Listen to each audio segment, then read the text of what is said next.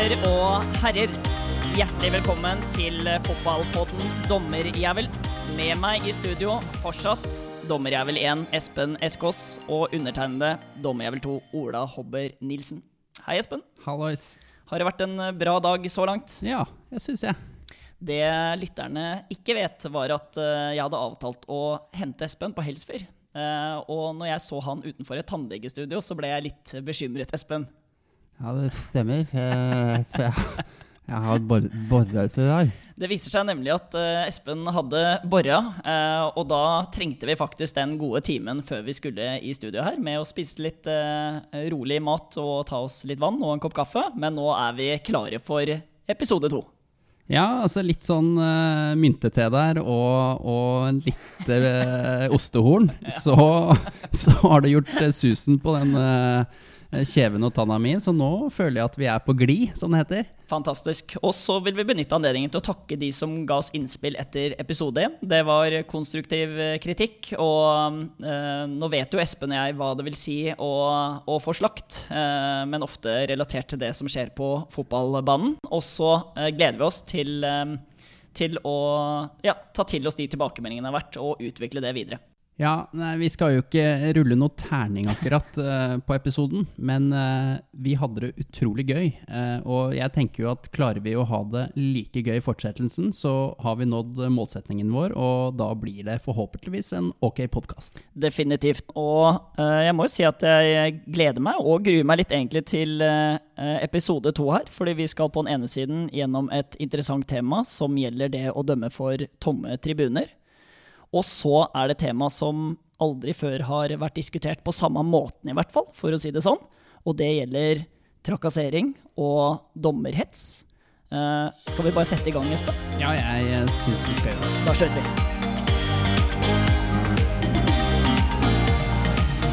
Da er det like før eh, serien blåses i gang. Hva vil du si er den største forskjellen i år fra i fjor, Espen? Nei, jeg tenker eh, i hvert fall nå i starten så blir det veldig spesielt å dømme kamper uten tilskuere. Uh, atmosfæren og, og, settingen blir jo veldig annerledes. Vi er jo vant til at det er litt trøkk, at det stormer litt rundt oss, og at det er litt liv og, og støy. Uh, så det blir jo helt klart uh, en stor forandring fra tidligere. Men nå må jeg liksom utfordre deg litt, Espen. For vi er jo også vant til å dømme treningskamper. Hva blir liksom den store liksom, um, hva skal du si, viktigste for dommerne nå å forberede seg på inn mot kamp, sammenlignet med det en treningskamp er? For nå har jo veldig mye likt, ikke sant? Ja, veldig godt poeng. Vi eh, er nok nødt til å ha ekstra fokus på det å finne riktig tenningsnivå. Det gjelder jo like mye for spillerne, tror jeg, men, men, også oss dommere. Og vi som hoveddommere har et ekstra ansvar for at eh, teamet, både kollektivt, men kanskje først og fremst individuelt, finner det riktige tenningsnivået for å være best mulig skjerpa når kampen starter.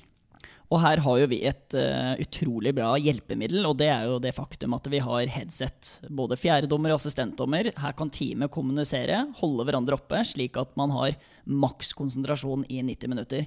Ikke det at jeg tenker at det vil være en stor utfordring, for jeg tror folk er veldig klare for å sette i gang uh, nå. Men jeg tror man på en måte skal være bevisst og prate om, og dette med tenningsnivå som du er innom, det tror jeg er uh, key faktor for å, for å komme seg helskinnet igjennom hva gjelder konsentrasjon. Mm. Headsettet headsetet er jo gull verdt i disse tider.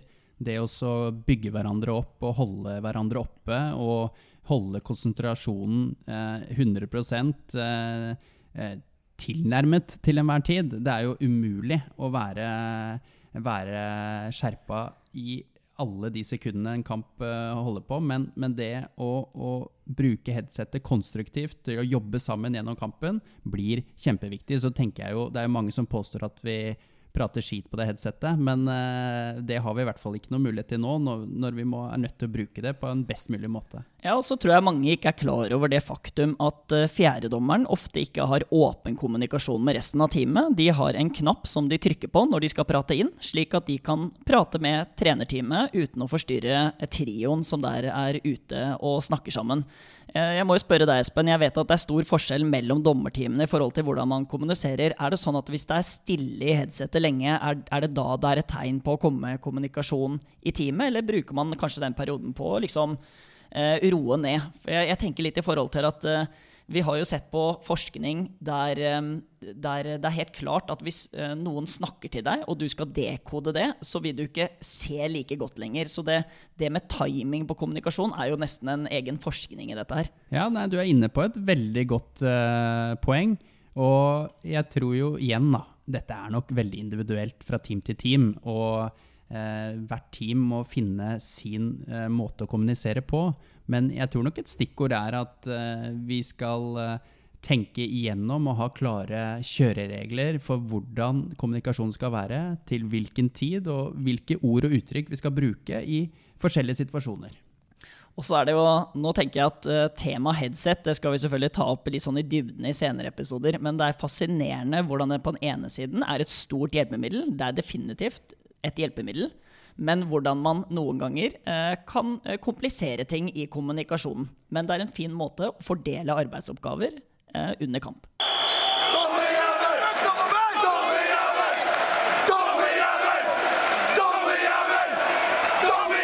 Da tenker jeg at det blir riktig å gå liksom videre. fordi at når man har eh, tomme tribuner, Espen, så er det jo sånn at eh, når man tidligere hadde mange supportere, eh, masse fans, masse trykk, så var det sånn at spillere gjerne kunne komme bort og ytre seg til dommerne.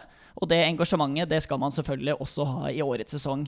Kanskje en av utfordringene som jeg har tenkt på, det er det faktum at nå er det ikke sånn at det er bare jeg som vil høre det. Nå vil kanskje eh, tilbakemeldinger til dommerne, og også det dommerne kommuniserer tilbake, kanskje blir fanget opp eh, på TV på en annen måte enn tidligere. Har, har, du tenkt at det kan være en utfordring?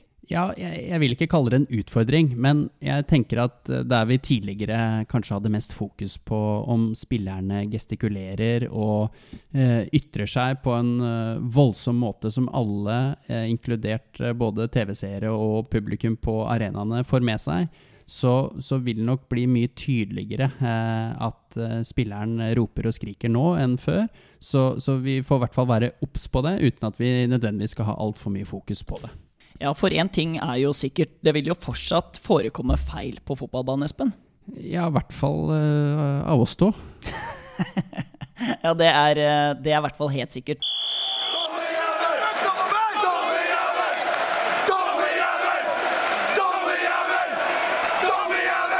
Ja, Da skal vi over på et tema som ikke har vært diskutert tidligere. Eller i hvert fall ikke på samme måten. Og det gjelder trakassering, og det gjelder trusler av toppdommere. Og bakgrunnen for nettopp eh, det temaet vi skal ha nå, Espen, det handler jo om at Toppdommerforeningen har stilt en undersøkelse til sine medlemmer. Den har vært anonym. Og der har det kommet, eh, fremkommet at så å si alle sammen har opplevd trakassering i løpet av 2019-sesongen. Og uh, flertallet har opplevd trusler. Og så er spørsmålet liksom, hva, hva legger man i ordet trussel? Det er liksom det første som slår meg. Ja, og, og, det tenker jeg må være et uh, svar uh, du må stille hver enkelt dommer. For det er jo, det er jo veldig individuelt. Uh, og det er jo individuelt hvordan man tar og føler på kroppen, kjenner på disse meldingene som kommer. noe jeg kan oppfatte som en trussel, kan du le litt vekk, og, og vice versa. Men at man uansett skal ta det på alvor, tror jeg er kjempeviktig. Og når vi nå løfter opp dette temaet, eh, så tenker vi at eh, ved å løfte det fram, eh, så kan det også få folk rundt til å tenke litt igjennom hvordan man skal reagere best etter kamp. Fordi det er jo sånn at vi dommere gjør feil. Men det er ikke alltid etter alle kamper at vi blir kontakta på en og samme måte. Jeg opplever at det er stor forskjell her på hvilke typer kamper der du har gjort en kontrovers, men der du ikke blir kontaktet på samme måten, og kamper du kanskje gjør en kontrovers, rett eller galt, men du blir kontaktet.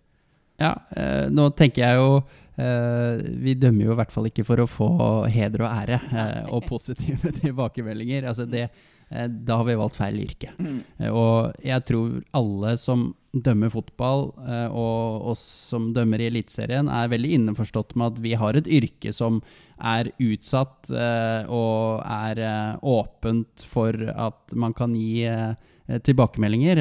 Men jeg tenker jo det skal være viktig å kunne prate litt åpent om i hvilke grad og med hvilke ord eh, og uttrykk man, man bruker når man eh, gir oss tilbakemeldingen. Jeg, eh, uten at vi nødvendigvis skal nå legge oss ned og begynne å gråte og ta offerrollen, så tror jeg vi skal eh, kunne tørre å prate om det. Definitivt. Og eh, jeg må egentlig bare starte med å stille deg også et spørsmål, Espen. Eh, når er det du opplever at man kan få mest tilbakemeldinger etter en kamp? Altså Hva slags type kamp er det, og hva er det som kjennetegner de gangene vi dommere ofte får eh, tilbakemeldinger som er av en slik karakter? Nei, Du var jo litt inne på det i starten her, at eh, det er jo gjerne de, de kampene hvor vi har vært inne i litt kontroversielle situasjoner, hvor eh, det er eh, mye følelser på spill, jevne matcher, hvor eh, ikke man nødvendigvis kanskje har eh, hatt den beste dagen på jobben. Så ærlig skal man jo være. Vi òg har dårlige dager. eh, Men eh, samtidig er det jo ikke alltid vi tar feil heller. Og det er jo veldig lett at eh, hvis en eh, fotballekspert som sitter og kommenterer kampen, påstår ut ifra sine regelkunnskaper, som nødvendigvis ikke er alltid eh, oppdaterte, eh, påstår at dette er en feil avgjørelse, så er jo det oppe og vedtatt, og det folk eh, bestemmer seg for. Ja, det må jeg si. Og det, det er en litt sånn absurd situasjon når dommermiljøet, Norges Fotballforbund, har kvittert ut situasjonen og sagt at dette var en modig og riktig avgjørelse. Men så har eh, fotballekspertene og majoriteten og det norske fotballfolk allerede konkludert med at det er feil. Og så skal man på en måte leve med det. Eh, for det kommer jo ikke noen ny artikkel med 'ops, det var riktig allikevel'. Det er liksom hverdagen vår, tenker jeg da. Ja, det har i hvert fall blitt sånn. Ja. Eh, og vi er jo innforstått med at det er sånn det er, så vi lever på en måte godt med det. Men jeg kunne kanskje ønske at noen ganger at eh, det var litt mer rom for å se eh, situasjoner, se vurderinger og avgjørelser litt mer nyansert. Eh, for det er ikke nødvendigvis eh, svart-hvitt hver gang. Og jeg tror at eh, hadde vi hatt eh, 14 repriser, eh, så hadde nok vi også kommet frem til en god konklusjon til slutt. Men vi ser nå denne situasjonen én gang, og ut ifra den vinkelen vi har inn til situasjonen der og da, må vi ta den best mulige eh, vurderingen. Men eh, det er ikke alltid vi er gode nok og treffer 100% og da skal vi selvfølgelig stå i det. Det er, eh, det er et veldig godt poeng, Espen. Og jeg ser jo i hvert fall den at når eh, det ytres ting etter kampen i harde ordlag For det at man er uenig, det skal vi leve godt med. Det at man syns det var dårlig dømt, det skal vi leve eh, godt med. Men når en trener legger på veldig mye, og de f.eks. går ut i sosiale medier etterpå, det være også spillerne, og de drar veldig på, så opplever jeg at fansen ofte tar ansvaret i anførselstegn, og så kontakter de dommerne direkte. Det er i hvert fall min erfaring så langt, er at når det fyres på etter kampen, når man kanskje burde ha pusta ett, to og tre sekunder Fordi en, en god kritikk i mine øyne, da, uten å ha pekefingeren framme, for det tror jeg er skummelt, det er å kunne si liksom ja, Espen er en veldig god dommer, men i dag syns vi ikke han gjorde en god jobb. Det må vi kunne leve med, som er toppdommere. Men det er når du begynner å bruke adjektiver som ikke passer seg, det fanger fansen opp, og så tar de direkte kontakt med dommerne. Så det, og nå, nå tar vi opp et tema som kanskje kan være det som gjør at vi kan forbedre statistikken i 2020. Hva tenker du, Espen? Ja. Jeg kan jo ikke si jeg er uenig i det. Um, Det er et veldig godt poeng. Og jeg tror, eh, som sagt igjen, vi, eh, vi er vant til å få kommentarer. Vi er vant til å, å få kritikk. Og det å faktisk få positive tilbakemeldinger er noe som er uvant. Så det takler vi kanskje dårlig, faktisk, å få, få positiv feedback. Men, men eh, du er inne på noe der at de kampene hvor vi har eh, innboks eh, fra tilskuere, er gjerne de kampene hvor, hvor det har blitt ytret eh, litt ekstra, litt mer enn vanlig. Og, og du ser jo gjerne på tidspunktene når disse meldingene tikker inn. Det er i enten eh, full eh, frustrasjon rett etter kampslutt, hvor adrenalinet fortsatt er på topp, og uh, man uh, lirer av seg det som uh, står fremst i panna akkurat der og da. Men, men jeg tror nok at hadde man pustet to-tre ganger, som du er inne på, så, så kan det godt hende at man hadde funnet, funnet det for godt å, å sende disse meldingene.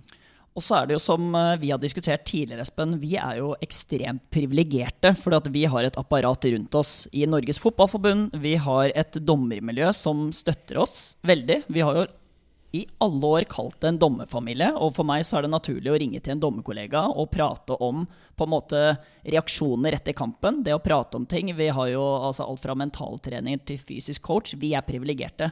Men det som provoserer meg, og det som gjør oss irriterte, det er eh, frykten for at disse kommentarene blir eh, setter standarden for hvordan trenere i barnefotballen og foreldre som står og ser på en kamp, skal kommunisere til en 16-åring klokka ni på Oppsal når det regner der sånn, og gi den samme overhalingen som vi får. Det er egentlig noe som provoserer meg kraftig, merker ja, og her tror jeg vi setter eh, kronen på verket i forhold til hva som er tematikken her.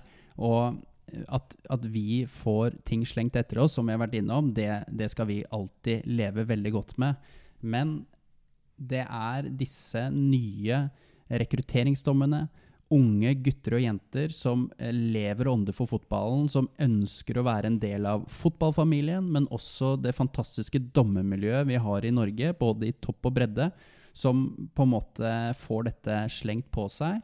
Og vi ønsker jo med å sette fokus på dette her i dag, at vi klarer å nå ut til alle sammen som har et hjerte for fotballen, at de må huske å ta vare på alle de unge, fantastiske dommertalentene vi har omkring rundt i landet. Og hvert eneste år Espen, så står vi der på dommerkurs, og enten det skulle være for Bekkelaget eller Nordstrand, som er klubbene vi representerer, for unge, eh, nye dommere som skal inn og ut og debutere som dommere. Og sannheten er at åtte av ti dommere slutter etter ett år. Altså jeg må bare gjenta det. Åtte av ti dommere slutter etter ett år. Og det er, det er, selvfølgelig mye bortkastet tid investert, men det er også eh, penger for klubben her sånn.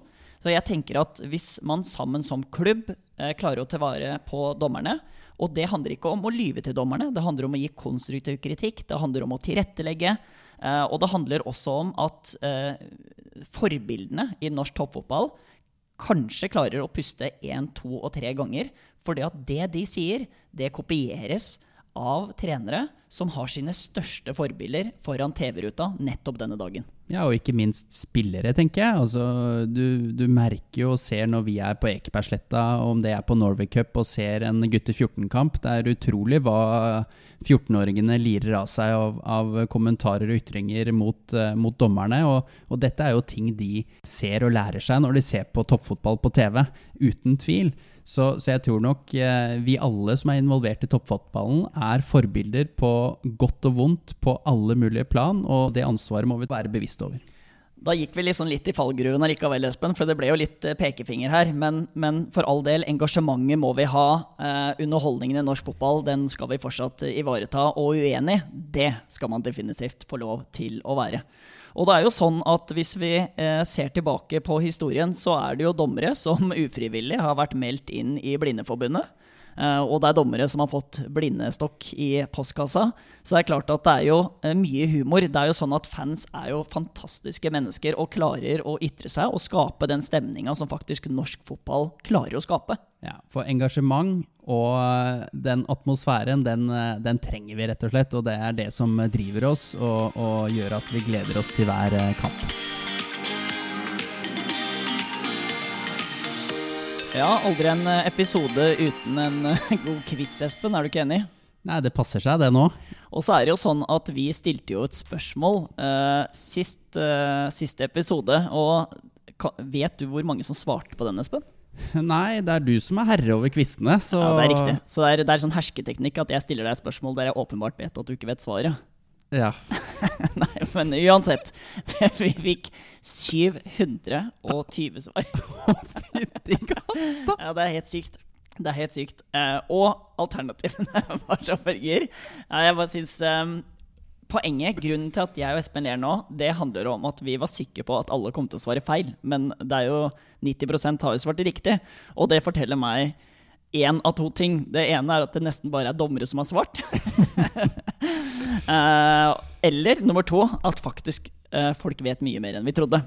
Så uh, Eller så kan det jo være et faktisk punkt tre. Ja. At noe som vi egentlig kanskje hadde som et lite mål òg, om at folk har åpnet regelboken ja. og, og, lest litt. Ja, for den finnes jo faktisk. Tro det eller ei. Fotball.no.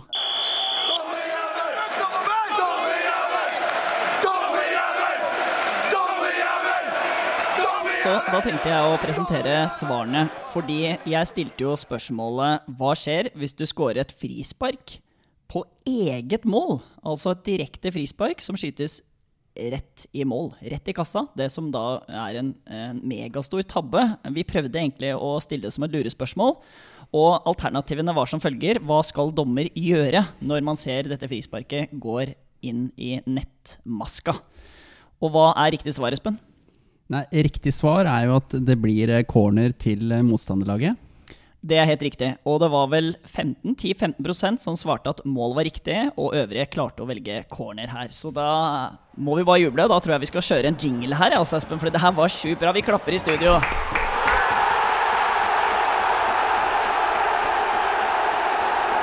Men stopp en halv her litt nå, for tenk om dette her eh, faktisk skjer nå første serierunde i Eliteserien. Jeg tror jo at eh, det ikke er så utrolig mange som hadde skjønt så mye hvis eh, jeg hadde blåst corner her, altså. Nei, og jeg kan jo bare tenke meg liksom den umiddelbare reaksjonen. For det automatiske som skjer når en ball går i mål, det er jo at enten hjemmefans eller bortefans kommer til å juble. Og kanskje du er maks uheldig, så hvis spiker sier sånn Da har vi en scoring, scoring nummer ti. Og man begynner med den der. Og så står dommeren og peker corner. La oss si at dette er deg som lytter, du peker nå corner. Tenk på reaksjonen da, Espen. Jeg tror nok eh, du hadde begynt å tvile litt selv på, på denne avgjørelsen. Jeg, jeg, er ganske sikker på at det er ganske mange av spillerne som ikke hadde skjønt så mye.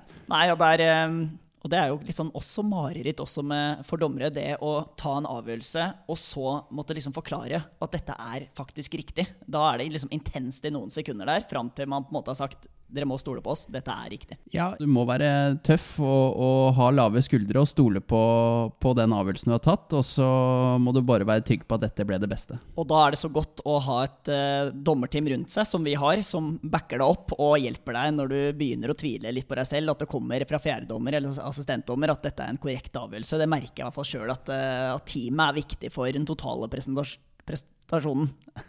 Nå ja. begynner jeg med ord igjen, Espen. Ja, men det er jo nesten som å holde en presentasjon. Så det, du, du, var, du, var, inne på noe. Ja, ja, ja. Veldig bra, Espen. Jeg, jeg syns det er greit at vi uh, Greit at vi wrapper opp her sånn. Jeg ønsker bare å stille et quiz-spørsmål til deg som lytter. Uh, vi snakket med en trener i stad. Han forklarte en episode til oss som var veldig interessant, som legger grunnlaget for uh, quizen som vi kommer til å legge ut på dommerjævel.no etterpå. Og det var en veldig absurd eh, eh, episode der en angrepsspiller løper mot mål, kommer innenfor 16-meteren, har bare keeper igjen. Og ut av intet så kommer det en ny ball inn fra nabobanen i denne cupen, som smeller inn i ballen, som er i vår bane. Og ballen går direkte inn i mål. Det er nå usikkerhet rundt faktisk hvilken ball som har gått i mål her. Og jeg har lyst til å stille deg som lytter tre alternativer. Det ene man kan gjøre, det er jo å godkjenne målet. Så det blir jo da svaralternativ A. Svaralternativ B blir at du dropper til det angripende lag der, eh, der, der ballen var, idet det var en, eh, på en måte en krasj mellom to baller. Og svar nummer C Nummer C merker jeg på en måte blir Men svaralternativ C, i hvert fall, det er rett og slett at du dropper til keeper.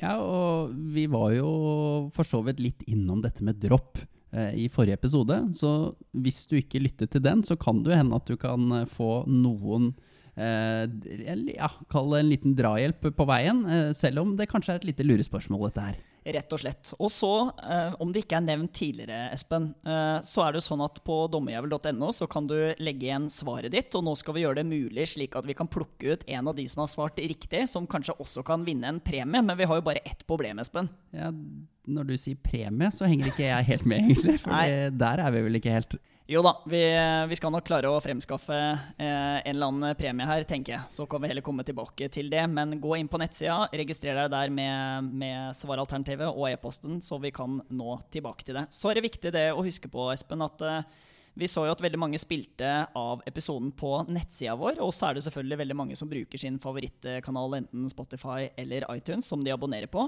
Men man har anledning også til å gå inn og registrere seg, slik at man får nyhetsbrev når det enten er aktuelle saker, eller det er en ny, uh, ny episode som snart er ute. Ja, det er eh, kjempeviktig. Og så tenker jeg at uh, hvis dere mener vi fortjener en uh, hederlig omtale eller en uh, stjerne to, tre, fire, eller kanskje fem, så, så, hadde vi satt pris på en liten tilbakemelding der også. Og så er det jo sånn at med en gang vi begynner å surre det til ute på banen der, Espen, så antar jeg at snittet går kraftig ned på, på ratinga likevel. Så vi trenger jo den drahjelpen vi kan få. Ja. Da tror jeg vi skal runde av eh, denne podkast-episoden, Espen. Den har jo inneholdt ganske mye og forskjellige ting. Vi har jo vært innom temaet eh, hvordan det blir nå med tomme tribuner. Og eh, så og har vi vært innom dette med dommerhets og trakassering, som jeg tror er et uh, viktig tema som kanskje har vært litt tabubelagt uh, i all den tid i hvert fall vi har holdt på med, med toppfotball. Så jeg håper jo at vi nå har uh, kanskje åpnet opp for at det er mye lettere å prate om. Definitivt åpenhet har vi troa på, Espen. I neste episode så skal vi prate om temaet 'når det smeller'. Hvordan er det vi opererer når vi gjør feil på banen, og hvordan kommer vi styrket ut av det som team? Ja, det er jo en utrolig spennende episode, tror jeg. Og eh, dette er noe som uh, skjer hver kamp, på, uh, i større eller mindre grad. Og, og noe som vi trenger hele teamet for å komme oss ut av. Og så benytter vi anledninga til å takke deg som har uh, fulgt med oss i denne episoden, der det både har vært tomme tribuner og dommerhet som tema. Neste episode, som sagt, når det smeller. Vi håper at du følger oss på reisen videre. Ha det fint. Ha det bra! Hei!